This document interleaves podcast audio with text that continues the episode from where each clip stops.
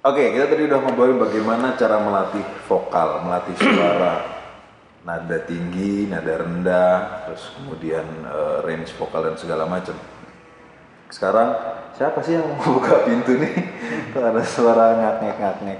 Oke ya. Nah, sekarang nanyain soal fleksibilitas itu tadi, Pak. Bagaimana kalian atau Mbak Mas Wahono lah, bagaimana melatih fleksibilitas suara? Di luar soal pengetahuan bahwa setiap tokoh, eh, setiap wayang yang kalian mainkan punya kontur wajah yang berbeda, kemudian itu jadi alat untuk menentukan warna suaranya. Nah, di luar soal itu itu nanti dulu kita mau bertanya soal bagaimana fleksibilitas suaranya kalian bisa latih dan kalian bisa merubah merubah suaranya secepat itu. Kan kayak misalnya kalian megang dua nih, bisa cepat perubahan suaranya jadi satu suara ke suara yang lain atau bahkan mungkin tiga empat cepet latihan apa yang dipakai? Dan dan kenapa bisa secepat itu berubah warna suaranya? Eh, kalau sebelum pada prakteknya itu nek saya loh nggak tahu kalau dalang-dalang yang lain. Saya lebih sering ke pasar. Kenapa? ke pasar itu banyak berbagai tokoh karakter ya. Dan warna suara dan eh, perpindahan waktunya kan cepat sekali perpindahan ini Bude, iki berapa piro wah lah kok sih kayak mikir tak dol. Nah itu dengan indera itu sensitif itu terus dengar terus, terus itu menstimulus dari kita untuk kita. Begitu juga ya bunga tanpa susah deh iya mak. Hmm, hmm. Nah itu kan cepat sekali. Eh belum kuduk punya masuk kerja pergantian bisa anakku ger ger. Nggih, paman. Lajeng kados putih. Eh ampun sak patos. Itu kan cepat sekali. Itu adalah percakapan keseharian dalam kehidupan nyata sebenarnya. Nah, ketika kita dengarkan terus, itu akan menstimulus kita untuk bermain cepat juga. Hmm. Itu loh, bermain ya sensitivitas tadi yang kita ajar. Itu akan benar-benar menstimulus. Tapi lain soal ketika eh, kita belajar sendiri tanpa meli- eh, sering mungkin ke pasar bertemu dengan orang di angkringan di apa itu akan berbeda Hmm. itu akan lebih lambat Hmm, Hmm, oke. Berarti eh, sensitivitas itu melatih kesadaran kalau di Stanislavski bilangnya unconscious consciousness gitu, kesadaran yang tidak bisa eh, ketidaksadaran yang disadari. iya Nah, kemudian bisa berubah dengan cepat. Nah, tapi gimana caranya dari warna suara yang tinggi dengan cepat bisa balik ke warna suara yang rendah? Kan kamu pasti sering mendapatkan posisi-posisi macam itu, toko yang suaranya gandum, gede dan segala macam tiba-tiba berhadapan dengan toko yang warna suaranya kecil dan segala macam. Itu gimana caramu bisa berubah tak tak cepat sekali karena kan secara range vokal saja nada misalnya itu kan dari nada apa ke nada apa di musik modern saja untuk soal modulasi itu kan harus ada pengantar loh untuk sampai ke nada yang lain. Nah itu gimana caramu untuk bisa merubah itu? Jadi eh, tetap kembali ke poin awal sebenarnya. Kita sudah hafal benar dan kita sudah tahu benar siapa yang akan kita mainkan. Karena secara langsung dalam adalah sutradara. Habis ini habis Bolodewo nanti yang ngomong adalah Kresno habis Kresno itu sudah eh, di luar kesadaran itu sudah sudah terbiasa. Nah, caranya awal awalnya adalah ketika aku Kresno menjadi Kresno akan ku Kresnokan dulu. Terus sudah ngapal. Ngapal itu istilahnya sudah di luar kepala. sudah di luar kepala ya. Terus kemudian menghafalkan si bagong misalkan. Bagong sampai lanya sampai pada anatominya bibirnya seperti apa tuh. Terus model otaknya itu kan nyenyengit kadang-kadang bagong itu. Ada beberapa wondo bagong pinter, bagong wondo selengean. Nah, kita pelajari benar. Nah, ketika praktek itu sudah secara automatically itu pingpongannya jadi di situ. Hmm, Oke. Akhirnya fleksibilitas itu juga soal pengetahuan atas tokoh-tokoh yang sedang kamu Betul. mainkan. Nah, eh, sebelum pertanyaanku sebenarnya juga pengen kutanyain tadi, tapi nanti aja. Bagaimana caramu bisa mem- me- mengetahui warna suaranya hanya dengan melihat eh, kontur wajahnya? Apakah di pedalangan memang ada pakem-pakemnya kalau ini warna suaranya pasti begini atau itu berdasarkan suatu penemuan tertentu atau kenapa dapat toko eh, buto misalnya warna suaranya jadi begitu Jadi seperti ini, ada eh, untuk mempermudah, ada istilah kayak gini. Oh kalau Werkudara itu nada di gender adalah mo, oke lima bawah. Kemudian untuk Durno enam dhuwur. Hmm. Jadi eh lele. Nggih. Itu kan perpindahan dari 6 ke 5. Hmm. Kemudian untuk Arjuna misalkan 6. Nggih, Kakang. Misalkan kayak gitu-gitu. Nggih, nggih. Oke. Sudah bermain nada di situ. Hmm. Nah, ketika kok tumbuk, tumbuk itu misalkan Werkudara nadanya 5 lima bawah. Kemudian ketemu dengan eh, si yang suaranya besar Duridono. Duridono itu juga suaranya besar, sama-sama besar lima unsur. nah itu gimana Untuk membedakannya adalah teledak-teledoknya. apa itu Teledak-teledok itu misalkan cara gaya bicaranya. oke Werkudara cepat, Duridono temponya paman, paman Haryo. Yang satunya ora iso. Nah, ngene iki carane. Nah, Hmm. itu yang akan membedakan. Hmm. Seperti itu. Oke, jadi di setiap toko di wayang itu warna suara mereka juga ada di Kesamaan. Kesamaan, ada beberapa dan mereka punya nada. Masing-masing toko wayang punya nada. Misalnya kayak Arjuno ada di nada berapa, Ida ada di nada berapa, dan itu yang juga jadi peganganmu. Ya, Ah. karena itu tidak lepas dari padat. Itu akan panjang kita bahas. Hmm. Jadi misalkan ini, padat 6 itu ada di 6 sama ro di gendernya. Jadi biar eh, menyatu dengan iringan musik pendukungnya. Hmm, Oke, oke. ngambah ngambah atau di area eksplorasi nadanya di 6 sama 2 Hmm.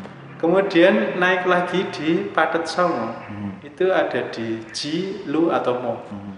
maka suaranya akan mengikuti di situ gendernya Hmm.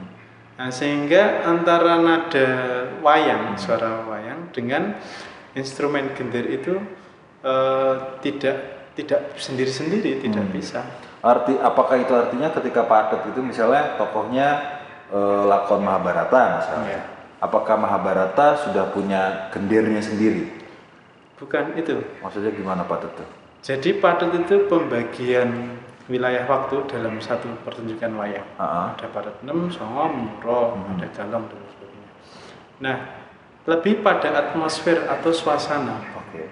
Sehingga ketika 6 itu akan lebih eh, taruhlah aran a- apa jenenge eh, wilayah nadanya di 6 sama ro. Nanti eh, suaranya itu juga akan di 6 di ro. Perkara lakon itu tidak masalah. Hmm, maksudnya suaranya suara tokoh. Suara tokohnya itu akan menganut di atmosfer eh, gender itu. Apakah itu akan merubah warna suara dia? Iya, Oke.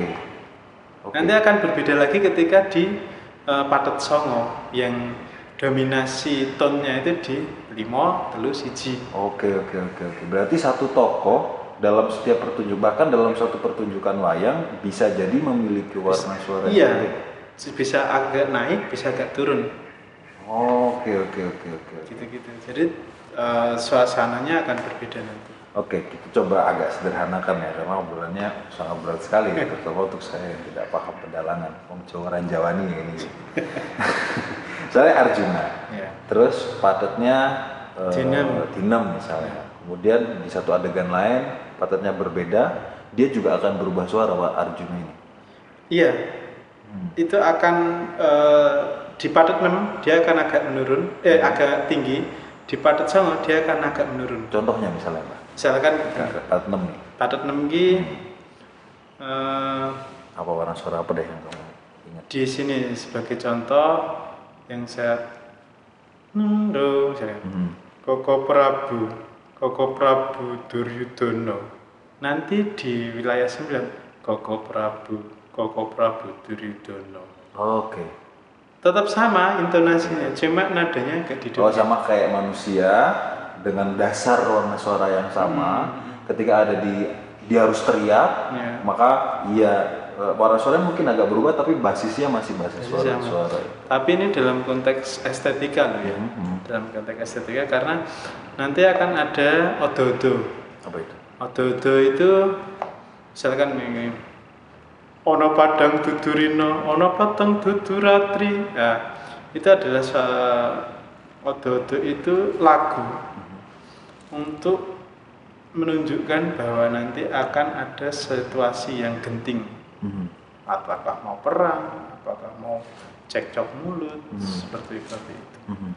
Nah, ketika eh, si dalang itu dipadatkan menggunakan aransemen yang G atau Lu, maka itu nanti akan kejeglong, Hmm. kejeglong di wilayah nadanya. Nah, kemudian juga sebaliknya, ketika di padat songo, si Arjuna atau tokoh itu menggunakan eh, warna suara yang berada di padat 6, nanti akan odo-odo kejeglong juga. Oh, Oke. Jadi tidak tidak ini. Berarti di pedalangan semuanya secara teknis terhitung rigid sekali ya. sangat rigid. Hmm, bahkan ketika pada pada pemilihan warna suara tokoh pun semuanya rigid sekali ya. rigid. Seperti contoh kasus ini. Ketika di awal mau eh, dibuka wayang apa namanya bedol kayon terus kemudian ketok tok tok dung. Nadanya siji misalkan. Dung ini harus wongilahing ngawi gena mas dunamo sidam Hmm. jadi menyatu dengan iringan bukan tok gung eh, kenong tuh Diji itu oh ngilah yang awik nama itu nama sidap itu akan berbeda ini sehingga tidak bagus. Hmm, oke oke oke oke oke. Eh, In frame lah kalau dalam bahasa filmnya. ya, Ya, in ya. frame-nya 6 ya nadanya dinamik. Karena setiap adegan punya tone dan Ya. dan si tokoh harus mengikuti tone adegan itu. Betul. Oke. Ya menarik sekali ya obrolan soal suara ini. ya.